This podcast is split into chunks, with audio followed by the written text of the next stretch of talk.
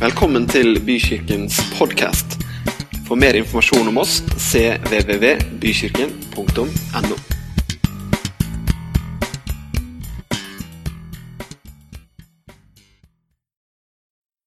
Tusen takk for hyggelig eh, introduksjon, eh, Bent Ove. Og fint å komme hit til eh, Bykirka i Tønsberg. Det er jo helt sant, Jeg føler jeg kjenner kirka litt, siden jeg kjente kjent Frank i snart 60 år. Og, og Anne Linn. Eh, nei da. Frank er en ung og kjekk kar med ei enda yngre kone. Veldig glad i, glad i dere. Bent Ove, tusen takk, ja. Eh, jeg heter jo Ariel, som, som Bent Ove sier, og det går faktisk an å være mann og hete Ariel. Men noen som var i tvil om det, så er det fullt mulig. Her var det egentlig, Er det, mange her som visste, skjønte at man kunne være mann og hete Ariel? Alle, ja, de aller fleste. For jeg bruker å si at det er ganske avslørende når kristne mennesker tviler på at, det går være, at Ariel er et herrenavn. For tre, tre plasser i Bibelen står det om Ariel. To av plassene var det en etterhøvding, og den tredje plassen så er det liksom en beskrivelse av et annet navn på Jerusalem.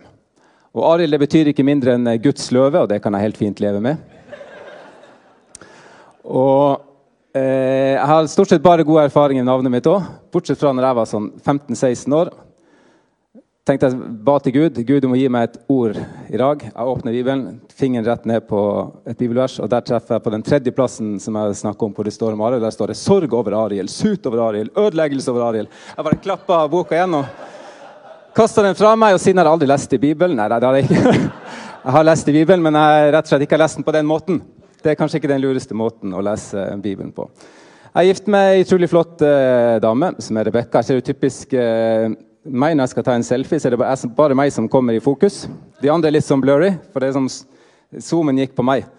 Så det var det som ble posta som sånn nyttårsbilde. Jeg så ikke det før det lå ut på internett, at det var bare meg som var i fokus. Kjempeflaut. Typisk eh, pastor. Men det er altså kona mi. Hun er veldig driftig. Hun er sjefen hjemme i huset, hun er sjefen på jobb, hun er pastor i kirka. og hun har masse verv og styrer verv rundt forbi, så jeg er ganske imponert over henne. Jeg skjønner ikke hvor hun får all eh, energien ifra.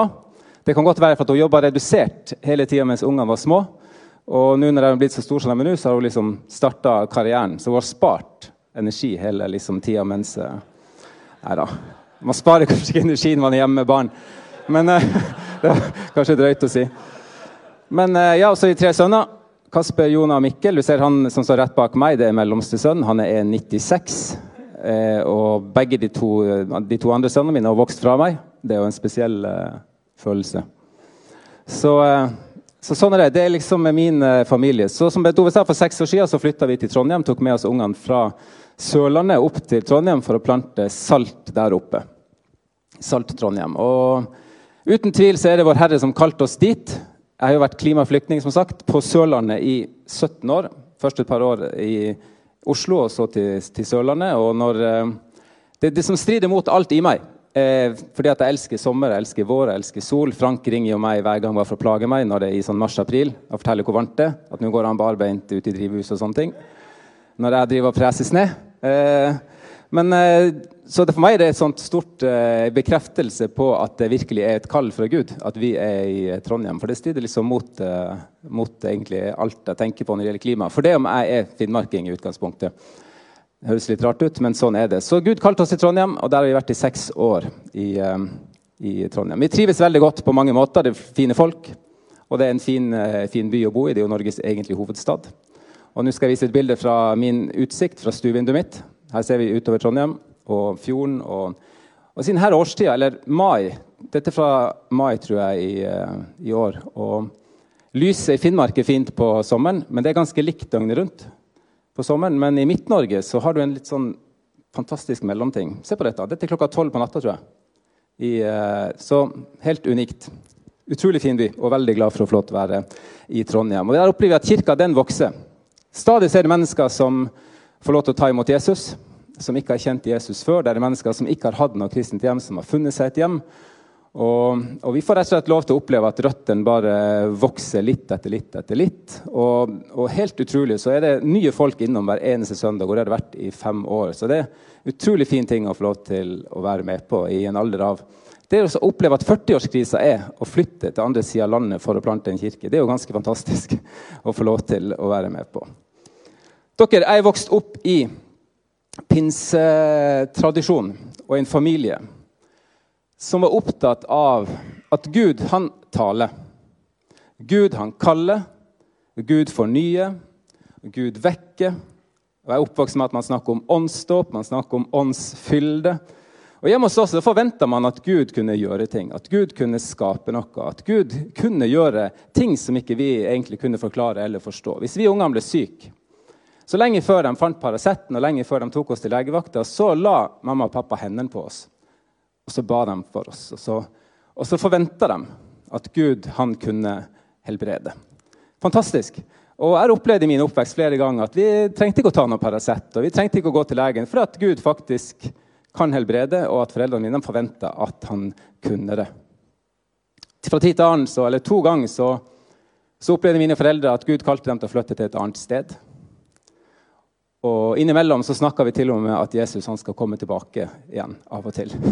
Og Det er jo ganske, ganske spesielt. Når hørte du sist noen snakke om at Jesus skal komme tilbake igjen? Vi gikk, på på, vi gikk til gudstjeneste på søndag, ofte to ganger. Midt i uka samles eh, menigheter til bønnemøter rundt omkring i, i hjemmene. Og Jeg har vanvittig gode minner av at jeg har sovna i en krok mens jeg lå og hørte på mennesker som har grått, som har ledd og som har bedt og som har delt brennende vitnesbyrd med hverandre mens de har bedt og sunget lovsanger til Gud. Så jeg har utrolig mange gode minner av å vokse opp i en sånn pinsekarismatisk tradisjon. Og det er mange ting der som har vært med å forme den jeg er i dag, og den troa som jeg har. Uten tvil. Men så har jeg også sett noen usunne ting opp igjennom når det kommer til denne måten å praktisere troa på. Jeg har sett noen usunne profetier fra scenen.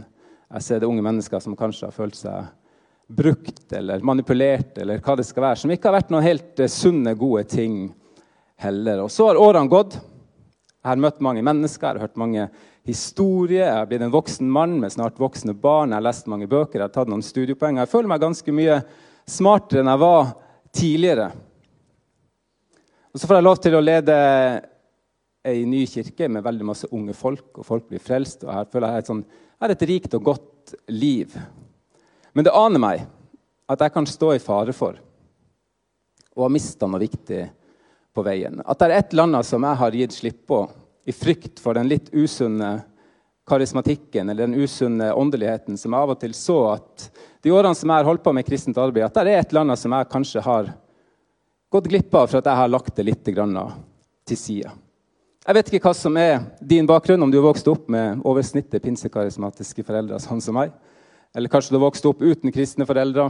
For alt jeg vet, så er det ikke sikkert du har noe bestemt tro nå heller. Eller du har vokst opp sånn midt imellom en plass. Det vet ikke jeg noen ting om. Men helt uavhengig av bakgrunn, historie, alder eller troshistorie, så, så tror jeg, som jeg lærte da jeg var liten, at Gud han ønsker å skape noe i deg. At han kan skape noe nytt i oss mennesker. Og Jeg er overbevist om at Gud han kan fylle med sin ånd. Åndsdåp er en reell ting. Åndsfylde det er noe som kan skje. Den hellige ånd kan, og Gud kan helbrede. Det kan skje mirakler. For det er jo det er, en, det er en overnaturlig Gud vi tror på. Og faktisk så tror jeg overbevist om at Jesus han skal en eller annen gang komme tilbake igjen. Vi vet ikke når, men det eneste vi vet, er at vi er nærmere i dag enn det vi var i går. Og hva gjorde, ikke det med mine foreldre? At De tenkte at Jesus han kan komme tilbake igjen i morgen. Og man torde å snakke om det. Det skapte en forventning. Om du ikke er så vant til kirke eller kristen tro, så håper jeg du kan henge med disse neste minuttene. Vi skal grave litt i denne forventninga om å snakke om dette at Gud kan skape noe, han kan gjøre noe, at han kan gjøre noe mektig. Og Hvis du ikke tror, så håper du kan eh, bli litt mer nysgjerrig enn du var før du kom hit til Bykirka i dag. Er det greit? Bra. Etterfølgerne til Jesus de hadde akkurat hørt Jesus si at de skulle få kraft når Den hellige ånd kom over dem, og de skulle være vitner helt til jordens ende. Og De har akkurat sett Jesus reise opp til himmelen. De har hørt en engel som sa det, at akkurat som Jesus for opp til himmelen, så skal han også komme tilbake igjen. Og Etter de har sett alt dette og hørt disse her tingene fra denne engelen, så, så, så, gjør de dette her som vi skal lese nå, i, i Apostelens gjerninger 1, og vers 12-14. Da vendte de tilbake til Jerusalem fra den høyden som heter Oljeberget og ligger nær Jerusalem, bare en sabbatsreise unna. Inne i byen gikk de opp på den salen hvor de pleide å holde til. Det var Peter og Johannes, Jakob, Andreas, Philip og Thomas. Bartolomeus og Matteus, Jakobs eh, sønn av Alfeus, Simon, Seloten Merkelig navn. Da har dere tips til husker noen som venter barn? Seloten. Og Judas, sønn av Jakob. Alle disse holdt trofast sammen i bønn, sammen med noen kvinner og Maria, Jesu mor og brødrene hans. Alle disse holdt trofast sammen i bønn. Den pensjonerte professoren Tormod Engelsviken, fra, i professor i misjonsvitenskap, eh, var han på MF. Han fortalte til Vårt Land for noen uker siden at det har vært forska mye på dette med vekkelser eller oppvåkninger, eller når Den hellige ånd har gjort nye, nye ting. Og nå er det ikke sånn at Den hellige ånd eller vekkelse kan puttes i en slags boks eller i et skjema. Det er ikke sånn det virker. Den ånden den blåser dit den vil, står det i Bibelen. Men allikevel er det ganske interessant å se hvordan det de har forska på i forhold til disse oppvåkningene og vekkelsene, så er det en slags oppskrift eller en slags mønster som faktisk blir bekrefta i Det nye testamentet. Engelsviken sier at i forkant av alle disse vekkelsene som har vært gjennom kirkehistoria, så, så har det uten unntak dette er ikke rakettforskning, altså, men uten unntak så har det vært bønn. Det har vært kristne mennesker som har møttes og kommet sammen, og som har bedt med forventning om at Gud han skal skape noe nytt. De første etterfølgerne her til Jesus de møttes altså i øvre salen. De holdt trofast sammen i bønn, og jeg tror de venta med forventning. Og de ba med forventning til at Gud skulle sende det som han hadde lovt han skulle sende over dem når han var samla der på, på eh, øvre salen. Det er jo lett for meg å komme som gjest her og si til dere Kom dere med forventning hit i dag? Kommer dere med forventning når dere skal gå til bønnemøte? Kommer vi med forventning når vi kommer sammen om at Gud han kan skape noe nytt i meg, noe nytt i oss, og noe nytt i byen vår eller i landet vårt, eller hvor det skal være henne? Jeg vet ikke hvordan det er her på tirsdagskveldene. Det var flaks at dere har bønnemøte på tirsdagskveldene. Du sa det her i sted. Men hos oss i Trondheim så er det mer plass. Der er flere stoler ledige, for å si det sånn masse plass, for vi er ikke så fryktelig mange som kommer til bønnemøte. Jeg vet ikke hvordan det er her hos dere, men jeg tror det er et eller annet med dette å komme trofast sammen i bønn. Og ikke bare komme trofast sammen i bønn, men å komme trofast sammen med forventning til at Gud skal kunne skape noe nytt i oss og iblant oss. Og Det er ikke noe så mye vi kan tvinge frem, men det å gå til bønnemøte det kan vi bestemme oss for å gjøre. faktisk. Paulus han sier til Romerbrevet i kapittel 2, vers 4. Eller forakter du hans uendelig store godhet, overbærenhet og tålmodighet? Skjønner du ikke at Guds godhet driver deg til omvendelse? Vi har kjørt en god del bil med våre tre barn. og Jeg husker, jeg tror det var i 2016. Min svigerfar, som egentlig er fra langt inn i Sogn og Fjordane, men bor på Sørlandet, han fikk det for seg at han skulle ta med seg barn, svigerbarn og barnebarn på biltur liksom, i kortesje fra Sørlandet. En sånn 16 timers kjøretur til langt inn i Sogn og Fjordane. Vi ble med, kjører i kø, og de, hele familien til kona mi holder på med rally. Så det er ikke mye stopp. for å si Det sånn. Det er rallysjåfører sånn på ordentlig. Så um, det var liksom non stop 16 timer med tre gutter i baksetet, så det ble mye iPad. Og det er det jo ellers når vi kjører òg, selvfølgelig. Men eh, de satt stort sett med iPaden, og det var en ganske sånn spektakulær kjøretur, egentlig. ikke sant? Å kjøre Vestlandet med bil. Vanvittig mye fint eh, å se. og vi... Uh, det var nesten sånn, Dette var litt tidlig på høsten. jeg ser dere. Dette er fra den turen. Startet, vi starta liksom med sommer ned i, i, i, dalen eller ned i en fjord. og Så kom du opp et stykke, og så var det høst. Og så kom du på toppen, og så var det eh, sne og vintervei. Ganske spektakulært. Og ikke bare én gang prøvde jeg å si til guttene så må dere skru av skjermen opp og se. Det er jo helt, se på utsikten, og se hvor fint det er. og Se hvor fantastisk uh, utsikt og alt det her. Det var så vidt de løfta på hodet ned igjen og brydde seg katter, for det var sikkert veldig spennende det de hadde så på på en eller annen sånn Netflix-serie. Jeg tipper at de hadde det gøy der. Problemet var jo bare at de eh, gikk glipp av noe som var veldig mye finere. Og noe som de ikke kunne spole tilbake igjen og se senere. Men de gikk glipp av noe fordi at de hadde fokusert sånn på det som virka så gøy nede i denne Netflix-serien. Og For oss alle så kan jo selvfølgelig skjermene våre bli til avguder som tar oppmerksomheten vår bort fra noen ting som er mye bedre. Og Det er ikke bare mine gutter, det gjelder jo oss alle. De aller fleste av oss har jo en ganske sånn overdreven bruk av skjerm. ikke sant? Men så er vi kanskje litt overdrevent opptatt av mat. Det drikkes for mye, til og med blant oss kristne. Det jobbes for mye. Vi blir for opptatt av huset vårt, av bilen vår, av klærne våre, av treninga. studiene for den som studerer. Og all denne overdrivelsen den drar fort oppmerksomheten vår bort fra noe som er veldig mye bedre enn akkurat det som vi fyller tida vår med. Magnus Malm refererer i den siste boka si, som heter 'Pilegrimskart', til ørkenfedrene, som sa det at all overdrivelse kommer fra demonene. Sterke ord. Det er selvfølgelig ikke noe ondt i seg sjøl å være opptatt av mat eller skjermen eller jobbinga, men dersom jeg ikke kan sette rimelige grenser for jobben min, eller, ja, så får jobben makt over meg. Og Sånn er det med det meste i livet deres, enten det gjelder sex, eller penger, eller hus, eller musikken, eller trening, eller hva det skal være. Og alle disse tingene her, det trenger egentlig grenser. Det trenger grenser, sånn at vi ikke overdriver. For det er et eller annet som ikke kommer fra Gud, som får oss til å overdrive et fokus, som får oss til å ta fokus bort fra noe annet som er veldig mye bedre. Alt det som egentlig kanskje var ment som noe godt og som noe krydder og som noe bra for livet, ble plutselig til hinder for at vi skulle kunne oppleve det som vi egentlig alle lengter etter, nemlig frihet. Ekte frihet. Være frie mennesker. Vi alle har jo en samvittighet, ikke sant? et sånn finstemt eh, instrument som skal hjelpe oss til denne avgrensninga til hvordan vi skal holde fokus. Men vi har jo en tendens til å dytte på denne samvittighetens eh, stemme. Jeg har i hvert fall det, og jeg vet at Jo mer jeg dytter på den, jo svakere blir den. Når den egentlig er der for å hjelpe meg og justere meg til å holde fokus og ikke overdrive ting i livet. Og vet at Hvis vi dytter lenge nok på den stemmen Dette er jo søndagsskoleundervisning. Hvis vi dytter lenge nok på den samvittighetens dere så, så vil den bli borte. I forskninga som Engelsviken refererer til i vårt land, så er et annet særtrekk med oppvåkning og vekkelse at kristne mennesker, at det starter med kristne mennesker som som opplever at de trenger å omvende seg.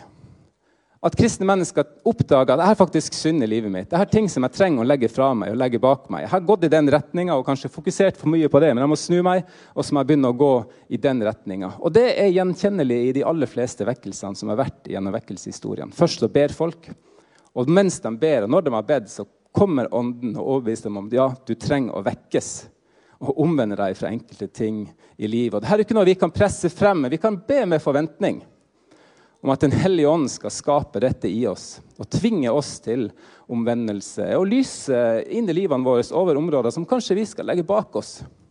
Og vende oss bort ifra, eller ombestemme oss fra. Eller at vi hører på samvittigheten vår, som prøver å ramme inn, sånn at vi ikke holder på med denne overdrivelsen. Den tredje tingen Engelsviken påpeker fra forskninga rundt vekkelse, er at denne nye følelsen av å være omvendt og tilgitt, altså en sånn overnaturlig opplevelse av å være tilgitt, det fører til at kristne får en ny frimodighet. En ny frimodighet til å fortelle vennene sine om hvem Jesus er og hva han har gjort i livet deres, og begynne å evangelisere og misjonere. rett og slett. Og er det ikke derfor? Jeg ser de, Dem som er nye troen i kirka vår, det er dem som inviterer flest mulig nye til kirka.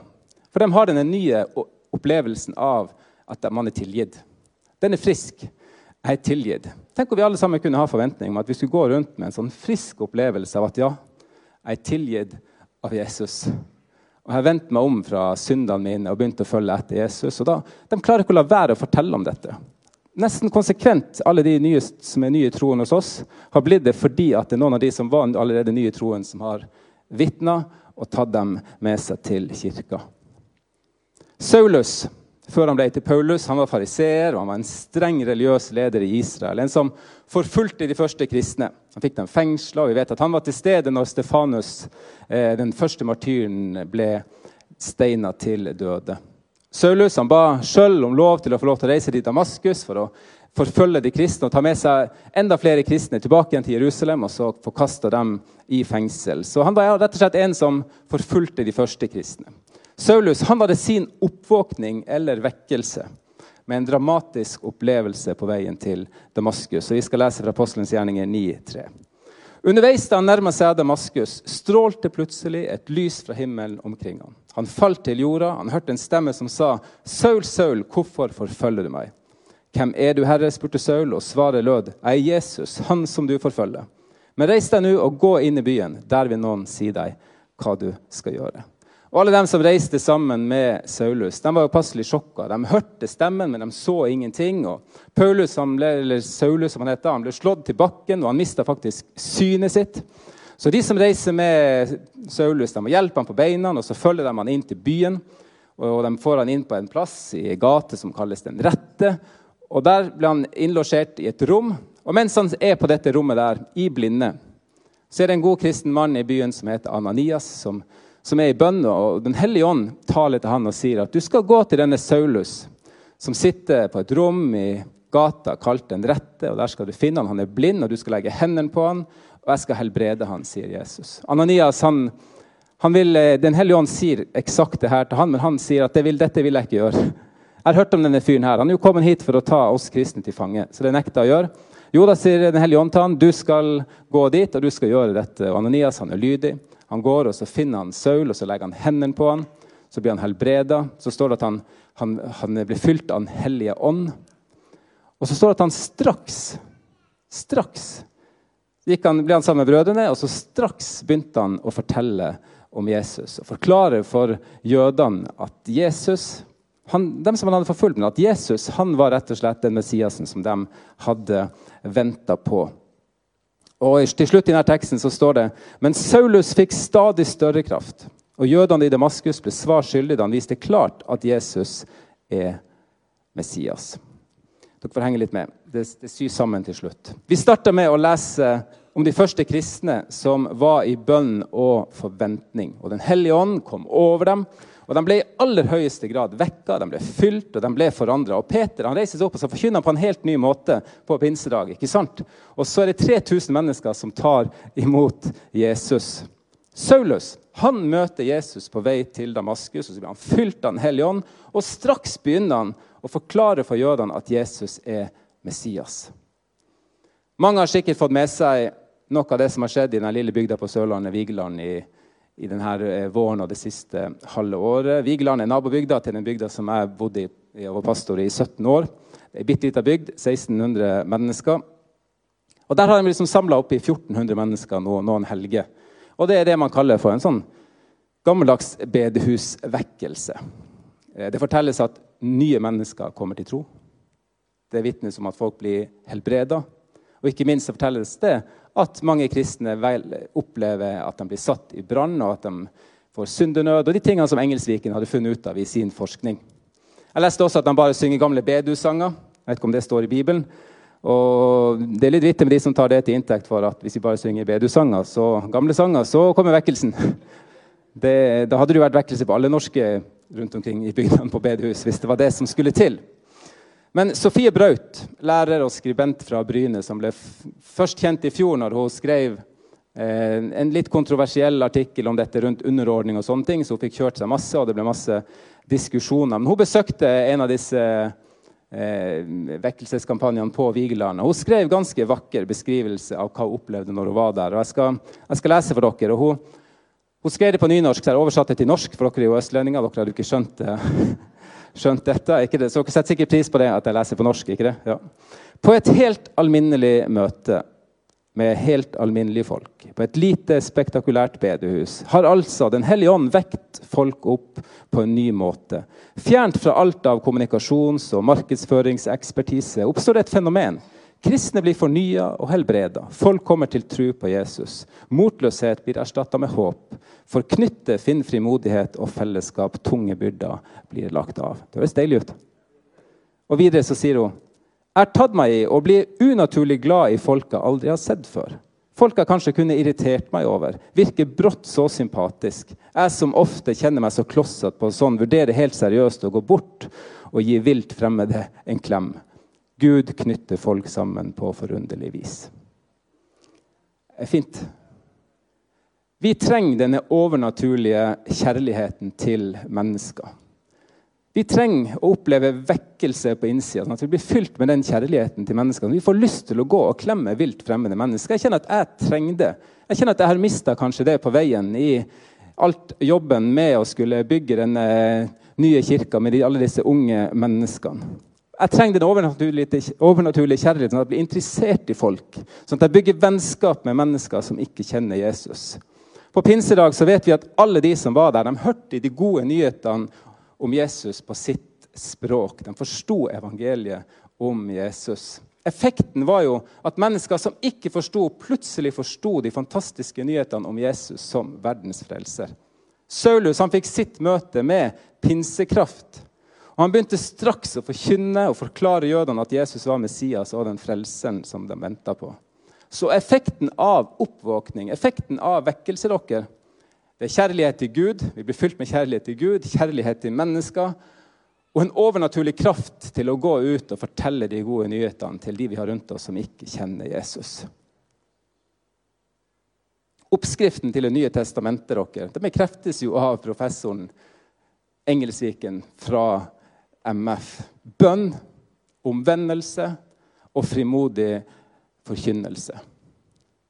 Bønn med forventning, omvendelse og frimodig forkynnelse. Så vet jeg ikke med dere. Jeg kan bli litt matt av å høre om disse vekkelsene. For nå begynner jeg å bli voksen. Jeg er snart 50 år. Og jeg har hørt om flere sånne. Det har vært i forskjellige land og byer i USA, og så har det vært her og der. og så Nå har det vært i Asbury i år, og så var den her på Vigeland, og folk valfarter fra inn- og utland. Jeg kan bli litt sliten av det, for jeg har holdt på nå i 25 år med å gjøre det jeg tror er Guds vilje med mitt liv. Det er å bygge menighet sammen med Jesus og gjøre de her tingene om igjen og om igjen, og de faste tingene. Så jeg kan bli sånn sliten av å høre. Skal vi liksom Ja, hva er dette? Jeg skjønner det ikke helt, Gud. liksom. Men vi holdt på i 20 år med dette her. Jeg tror oppriktig at det er bra at folk reiser, at man kan reise til et sted og bli inspirert. Det, det, det tror jeg på, og det syns jeg er bra. Men så må vi huske på effekten, og ikke bare hendelsen og fenomenet som skjer når du går til et vekkelsesmøte. Egil Moland, professor på, fra NLA, han sier et innlegg til dagen at han, han håper virkelig at vekkelsen på Vigeland skal fortsette.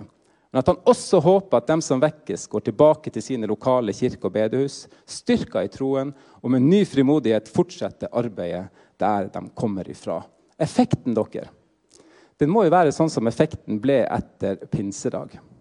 At Den hellige ånd falt på pinsedag. Så kan vi lese at 3000 mennesker kom til tro og ble lagt i kirka. Og etter det så skal vi lese hva som skjedde etter det. Og så kan egentlig bandet gjøre seg klart og hjelpe meg å avslutte. Så skal vi gå mot avslutning. Så fint hvis dere begynner å spille litt, for da får vi sånn god stemning, og så blir det vekkelse. Nei da. Vi skal lese fra Apostlenes gjerninger, kapittel 2, og vers 42. Det er det som skjedde etter pinsedag. Etter vekkelse. Etter, det er en vekkelse. 3000 mennesker som blir lagt i kirka på én dag. Da har det virkelig vært oppvåkning og vekkelse. Og der står det. De holdt seg trofast til apostlenes lære og fellesskapet. Til brødsbrytelse og til bønnene. Hver og en ble grepet av ærefrykt, og mange under og tegn ble gjort av apostlene. Alle de troende holdt sammen og hadde alt felles. De solgte eiendommene sine og det de ellers eide, og delte ut til alle, ettersom hver enkelt trengte det.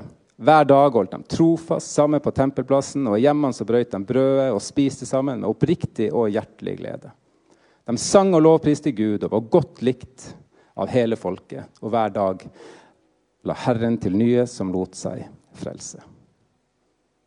Så dere, tenk om vi som kristne mennesker kunne være en sånn gjeng som ba med forventning om at vi skal få lov til å leve, oppleve en slags en oppvåkning. Eller en vekkelse inn i hjertene våre på nytt og på nytt og på nytt. og på nytt. At vi kan få lov til å være med på. For et vekkelse, det skjer. Det skjer, og det har skjedd gjennom hele kirkehistorien. Det har kommet i sånne bølger. Og Vi forstår ikke hvorfor det ikke skjer konstant. Men historien og Bibelen bekrefter at det har skjedd i sånne bølger ved jevne mellomrom. Og jeg kan kjenne på, uten at skal, Vi skal ha sunne, gode, bærekraftige liv og holde på med det vi holder på med. Men jeg, har, jeg kan kjenne på en sånn uh, sunn fear, fear Altså ungdommene mine sier FOMO. Jeg kan ikke si det engang. Fear of missing out. Jeg har ikke lyst til å være den pastoren som gikk glipp av det Gud ville gjøre.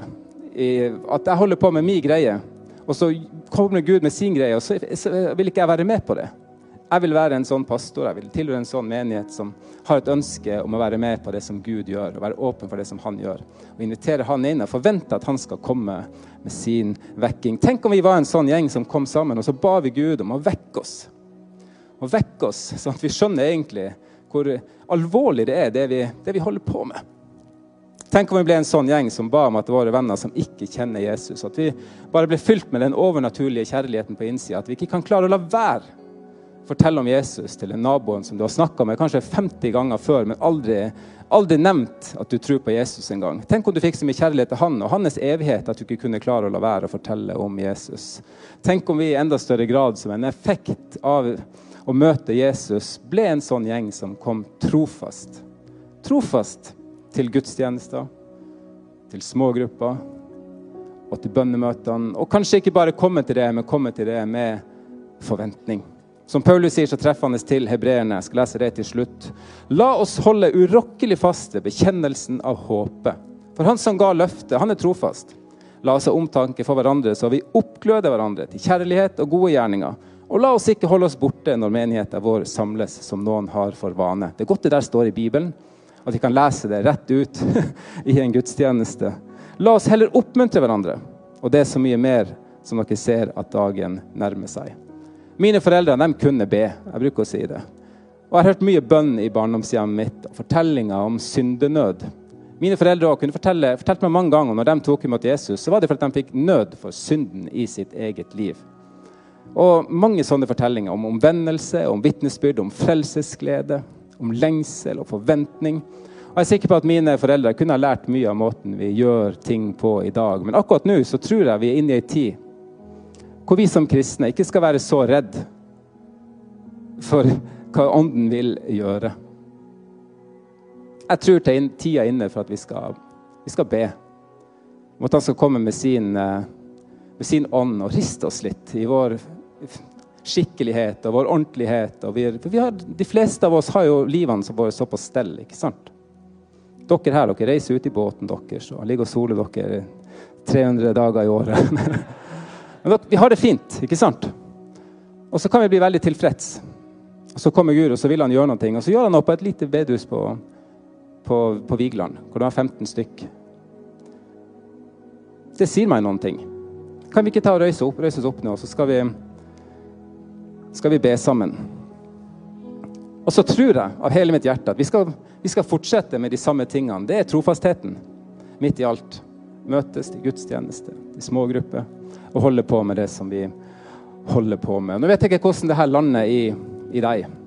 Kanskje du blir provosert. Kanskje du har dårlige erfaringer med sånne ting. Kanskje du blir inspirert. Ikke vet jeg. Men på en eller annen måte så lander noen ting i noen av dere. Og jeg tror, jeg tror at Gud han, han kan tale til, til, folk. Han kan tale til deg. Og han kan kanskje han minne deg på et område som du trenger å avgrense litt. Du har dytta bort samvittigheten din eller den tingen som har prøvd å stoppe deg, og at noen ting skal ha tatt så mye fokus. Og Jeg har lyst til å be for dere. og Hvis du er her i dag og du kjenner at du trenger å omvende deg fra noen ting som, eh, som har tatt altfor mye fokus, som du skal rett og slett omvende deg fra og, og gi mer plass til, til det som virkelig er viktig, så jeg har jeg lyst til å be for deg i dag. Og Hvis du er her som ikke, ikke tror eller tar noen bestemmelse, har jeg lyst til å be for deg også.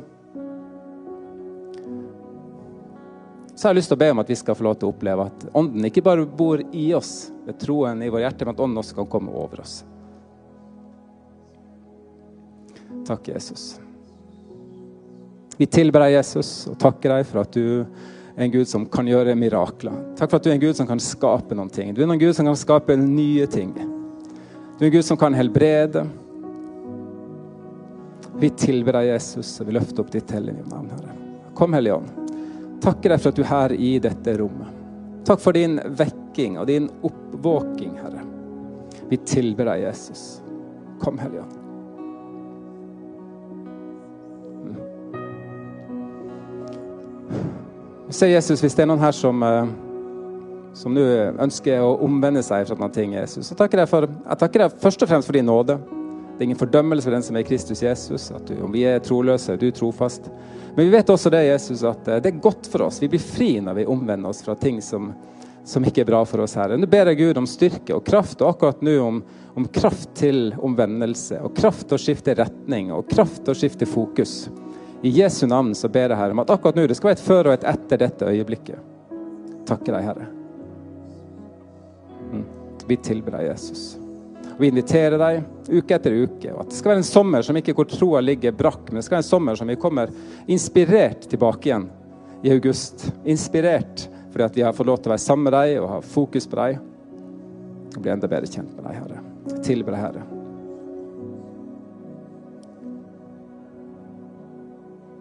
Hvis det er noen her som ikke har tatt imot Jesus, eller kommet på avstand fra, fra Jesus, så, så har jeg bare lyst til å gi deg en mulighet til å bekjenne. Det er godt å bekjenne for oss alle. Eh, og hvis du, Det kan være at du ikke har, du har hatt den på avstand på lang, lang tid. Eller at du aldri har tatt en ordentlig bestemmelse. Kan vi ikke gjøre det sånn at alle har øynene lukka? Og så bare spør deg Hvis du er her og har lyst til å ta en, en ny bestemmelse, eller ta en bestemmelse, kan du ta opp hånda og ta den ned igjen, og så skal vi be en, bare en felles kort bønn sammen så kan du få lov til å bekjenne troa di. Uansett så er det godt å få bekjent troa si. Vi gjør det sammen. Takk, Jesus. Kan dere få lov til å be etter meg? Kjære Jesus. Takk at du kom til verden. For å frelse mennesker og for å frelse meg. Kjære Jesus. Jeg tar imot din nåde og din tilgivelse, så kaller meg din. Hvis du ba denne bønnen som en ny bekjennelse, så vil jeg anbefale deg å si det til noen. Si det til den du kommer med, eller til en av lederne her i kirka. Gud velsigne dere. Amen.